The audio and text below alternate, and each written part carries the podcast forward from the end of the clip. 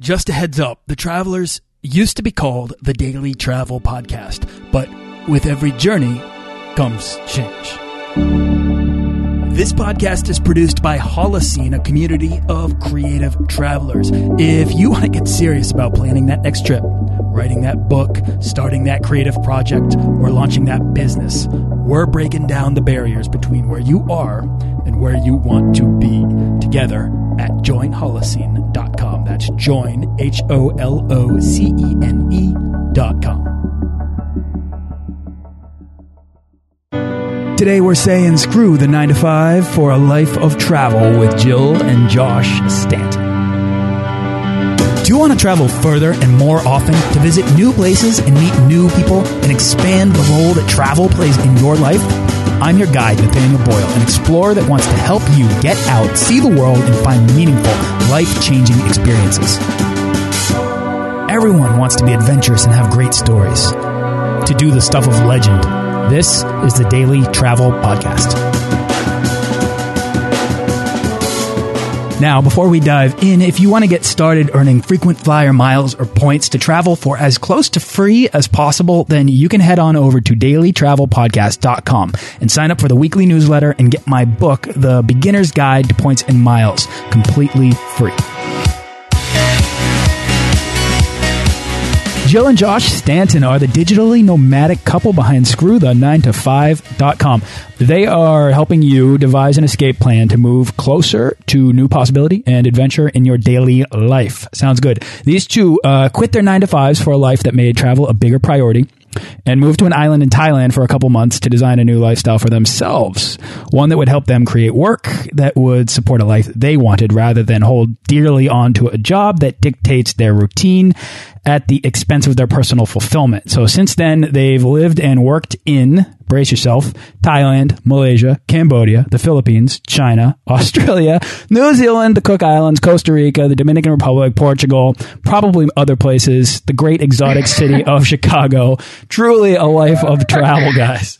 Um, so I, I wanted to get them on the show ask them about what inside of them inspired the decision to actually move to Thailand, something that seems so extreme and outlandish to most people, and w- what they do to keep themselves afloat on the road, and how you might be able to aspire to do the same. So, uh, Jill and Josh, welcome to the show. Thank you so much for having us. Yeah, great to be here, mate. That was a damn good intro. That was amazing. I'm trying to get you guys pumped you up put here. it better than we do.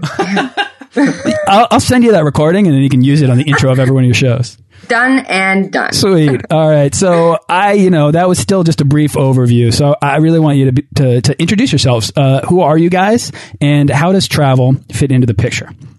Sure. So, like you said, we run the website Screw the Nine to Five. We're married, so we work together, live together, do everything together, want to kill each other. uh, and on top of that, we have a whole affiliate marketing business that runs in the background that allows us to teach that on Screw the Nine to Five. So we have a business in the background and then like I said, that's what we teach with the nine to five escape plan. And we've just recently moved into a whole personal branding series that will teach what we've learned since starting Screw the Nine to Five. So that's sort of the cliff notes of what we do. That's the crux of your business. So how does Yeah. travel fit into the picture now? Because I uh, obviously I alluded to all of the places that you've been to, Mm-hmm. um, and yet you're doing all this and offering all of these services. How are you able to do all of that? And also, why the heck are you doing it? well, I think, sorry, I just, I know you'll eventually get a You- you moment to talk. I'm liking this. I think actually we work better when we're traveling. That sounds so weird, but we find home to be so chaotic and just Im- almost impossible to keep our routine up. Whereas right now we're in San Diego. We are loving life. We're on our own routine. We have no distractions and we're able to really get the sort of shit we need to get done, done. And we really struggle to do that back home. So it does sound crazy to say we run our business while traveling the world, but it's so much better that way for us. I, I can kind of extend upon it a little bit. I mean, we've been traveling for so long now that it's almost like we don't have a specific home. So it's kind of like we will wherever we are is like our home. You know what I mean? Like we can we've gotten so good at getting to new places and getting set up very quickly. We're not always on the road. You know, we're, we're not like backpackers and No. moving around um, every sort of week or so. We like to sort of dig ourselves in for a few months and get into a routine pretty quickly. Yeah, so this is uh, clearly a question of uh, setting up new lifestyles for yourself everywhere you go, uh, in order to be able to kind of what uh, break away from from the normal routine of every day, in order to kind of give yourself a creative environment in which you can think and uh, think freely and maybe execute on those ideas without distraction. Sound right? Absolutely. Yeah, and and also a very important part of being in business is that you need to be around other people who are inspiring you as well. Um, so you asked before, what was it that kind of like made us Yeah. want to go to Thailand initially, and it was because of that reason.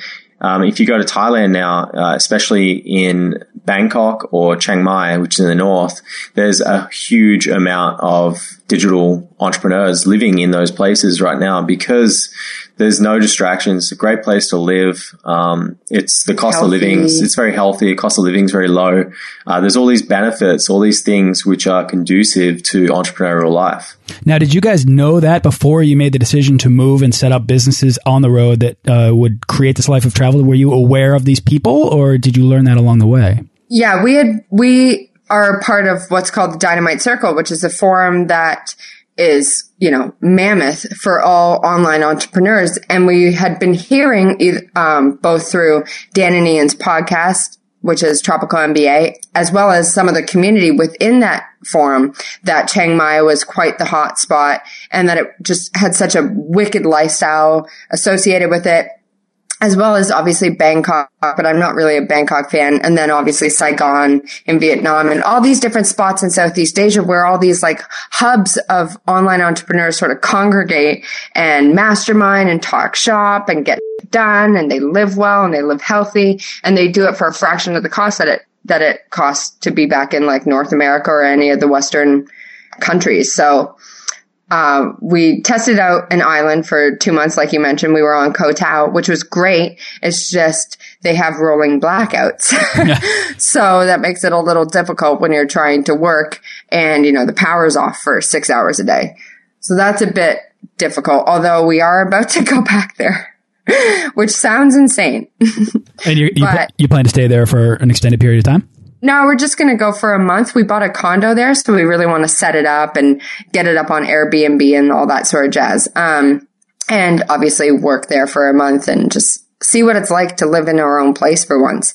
And then we'll probably go back up to Chiang Mai and then we don't know where we're going after that. Who knows? I love this. So you guys have really kind of settled in over there now, and that uh, it's almost it sounds almost as if you're establishing an expat lifestyle for yourselves there. Yeah, I mean, it it feels like home there, which is crazy to say because it's on the other side of the world, but everyone who's there feels like family, like we connected with so many people. We have so many great friendships. Um, some of those people have moved on, some of them are in Berlin, some of them back are back in the States right now, some of them are in Vietnam, some of them are in Bali. They're sort of worldwide families. but, you know, we keep in touch and everyone's so great and so supportive um, that it's just that's like that's our jam.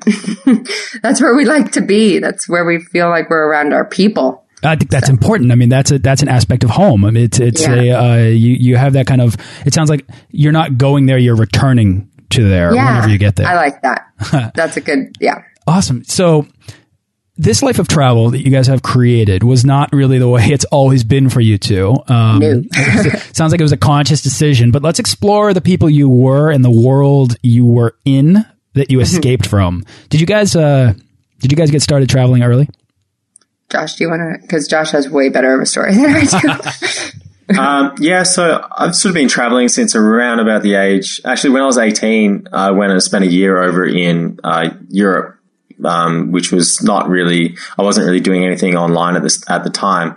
Um, and then I went to university, didn't like university, so I retired from university early and um, learned about online marketing when I was 23. And at that stage, we I was uh, working to build a software platform uh, around the um, around WordPress, which is the website platform, and we had developers over in China. So I was at home uh, in Australia, in my hometown, and I wanted to change. I was just kind of getting sick of the the normal day to day life that I was used to for so long. So I decided to go over and live in China for around about a year.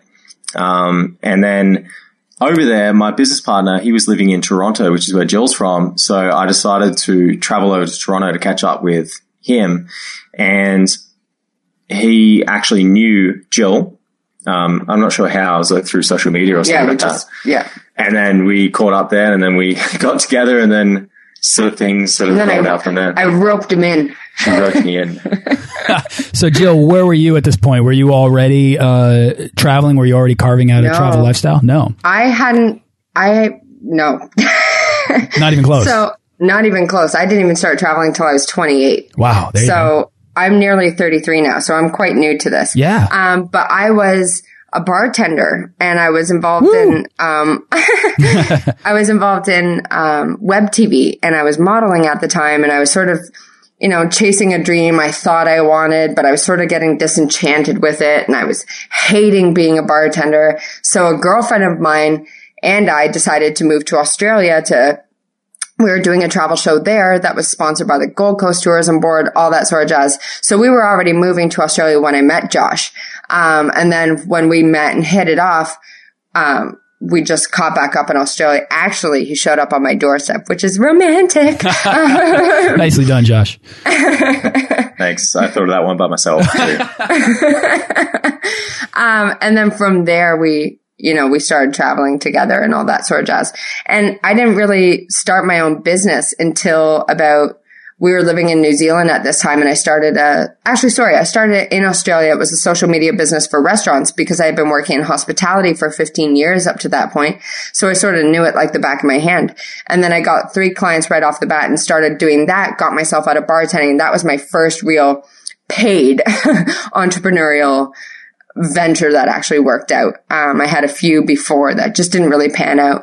Um, and then fast forward about a year, I started feeling sort of disenchanted by it. It was getting a bit demanding. I was trading dollars for hours. And around the same time, Josh was feeling a bit disenchanted with his business that he had set up with, um, his former business partner. So we, we sort of were feeling that, you know, misalignment at the same time. And we decided to, test out working together and started up our first affiliate site. And then from there, we just, it's history, baby. I love that, Jill. So what's really interesting to me about this is that you guys both had that taste of travel, had that kind of that little bit of adventure already in your lives, and you knew what that was like, and you uh, you knew you wanted more, uh, and you were out there in Australia, or at least you know in China, going to these different places and trying different things out. It sounds as if you know you're kind of throwing things against the wall, and whether or not they were successful, they were uh, not fulfilling, not any more fulfilling. It sounds like than the nine to fives that you had before. So Yeah. you kind of tried stuff, you didn't, and then you realized that there was this kind of there was this attainable lifestyle out there that that would maybe support or answer that call to adventure that you guys are both hearing and while also satisfying your you know desire to be able to spend time together travel and do work that fulfills you is this Yeah. Am I right? Yeah. Yeah, Yeah. for sure. You know what's funny about Screw the Nine to Five is we didn't create it based off more, more so not based off our sort of experience with like escaping the nine to five, but because we constantly met people all the time who would ask us like, how do you, how do you guys do that? Mm, what do you do? how, how, how do you do that? How can I make that happen? You know, I don't, I don't like my current nine to five. You know, we've met a lot of people who do like the nine to five, but certainly the ones who don't, they're constantly asking, you know, how do you get out of that? How do you do that? And for us, you know, it, it wasn't really an option to be in a nine to five. It was like, we're going to figure this out no matter what. And that's kind of what we want to do with nine to five is show people how easy it actually can be to live a lifestyle like this if they're not happy with their jobs. Yeah. I hear you guys. I get these questions as well. You know, I I screwed my nine to five two and a half, three years ago, and Nice. I've been freelancing since, and it's been great. I, I'm not in uh, low cost environments, which is why I love talking to people like you guys because you're living in these places. Uh, in which you can probably effectively save money to a greater degree. You're probably able to pour more money into your business and, and scale it up in different ways. Yeah. Uh, that then can help grow your business and your lifestyle, which is which is terrific. And so it, that all makes a lot of sense to me. And I want to get a little bit more into that. But I also get questions before we get ahead of ourselves. I get questions from listeners who just can't fathom the idea of letting go of everything to start fresh. Like it seems unconscionable yeah. to do something so drastic. Did you guys did you guys ever sell everything or did, yeah. you, did you store it or no well the first time we went on a three month trip together to really test out if our business could work on the road um, we stored everything but the second time the minute we came back to toronto we're like we need to get out of here. Uh, we sold everything everything we could sell. And then the rest i sold to my sister. Um, but yeah it was just it was freeing. It was liberating to get rid of all those stuff that sort of shackles you down to a place. And I get it. I understand how it can be very uncomfortable to people.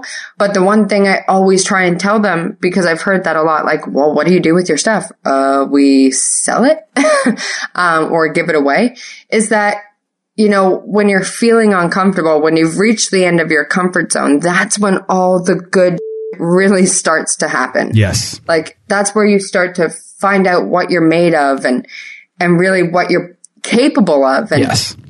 And, you know, you get to experience all these different cultures and all these different ways of living. And it's just, it opens your eyes. Plus, it's just stuff as well. I mean, yeah, you can rebuy stuff. I think I don't know this exactly, but it's definitely met people who kind of get too attached to their things.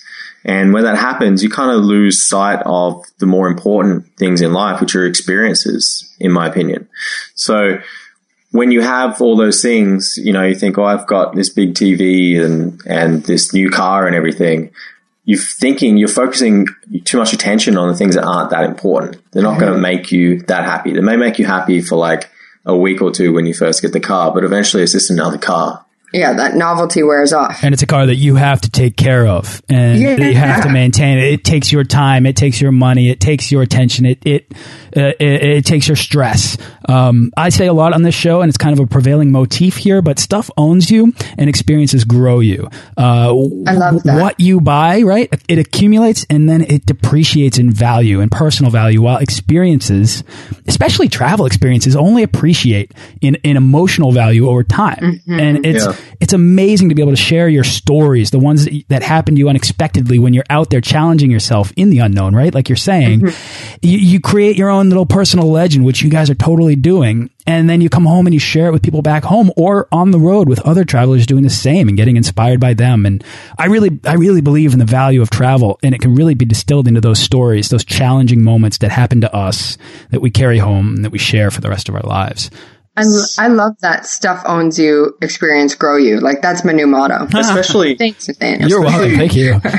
I was going to say, especially when it comes to business as well. It's like very specific with business because if you're in, let's say you're in your small town where you live or your city or whatever, you create this small network of people that you don't really change. You know, you, you sort of hang on to those mm-hmm. those groups of people for a long period of time. When you go traveling, you put yourself around tons of other people. You know, in the last year and a half, we've probably met.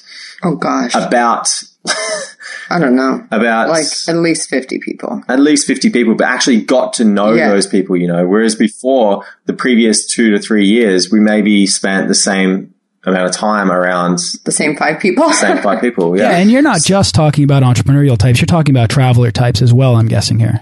Yeah, but we try and really sort of surround ourselves with entrepreneurs. Like that's we're in that mode right now. We're in that growth mode where we really, really want to keep learning and we want to learn from other people.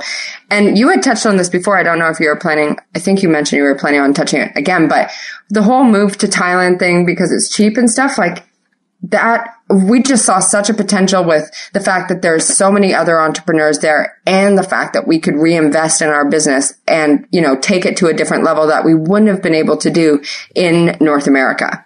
That's right, because the cost of living here can be so high that your yeah. salary requirements, uh, yeah. you can barely you can barely pay yourself. So I live uh, and work oftentimes in Boston, and it's one of the most expensive places in the United States to do what I'm doing. And and for that reason, I have to make lifestyle sacrifices that cut into my business expenses and limit yeah. my growth potential. Right, so Uh, Homeboy, you need to get your ass over to Asia. I know, right? that's why I bring on you guys to talk about this reality that's there, you know, because uh, it, because it is out there and it's not as big. I, I want you guys to talk about this in a way that helps people recognize that it is not as big a deal as as maybe a lot of people say. Because a lot of people are like wait wait a minute. Moving to Thailand? That's so extreme. That's so exotic. Uh, it's dangerous or it's too much. But it's really not. It's a it's an airplane ride. And then it's another place where there are trees and grass and dirt and and the internet and computers and friends and people that are out there. You never travel alone because there's all wherever you go and you you plug yourself into these networks and you find people just like yourself who want to meet you as badly as you want to meet them. Absolutely. And you can live a very, very Western lifestyle over in Southeast Asia. That might sound crazy.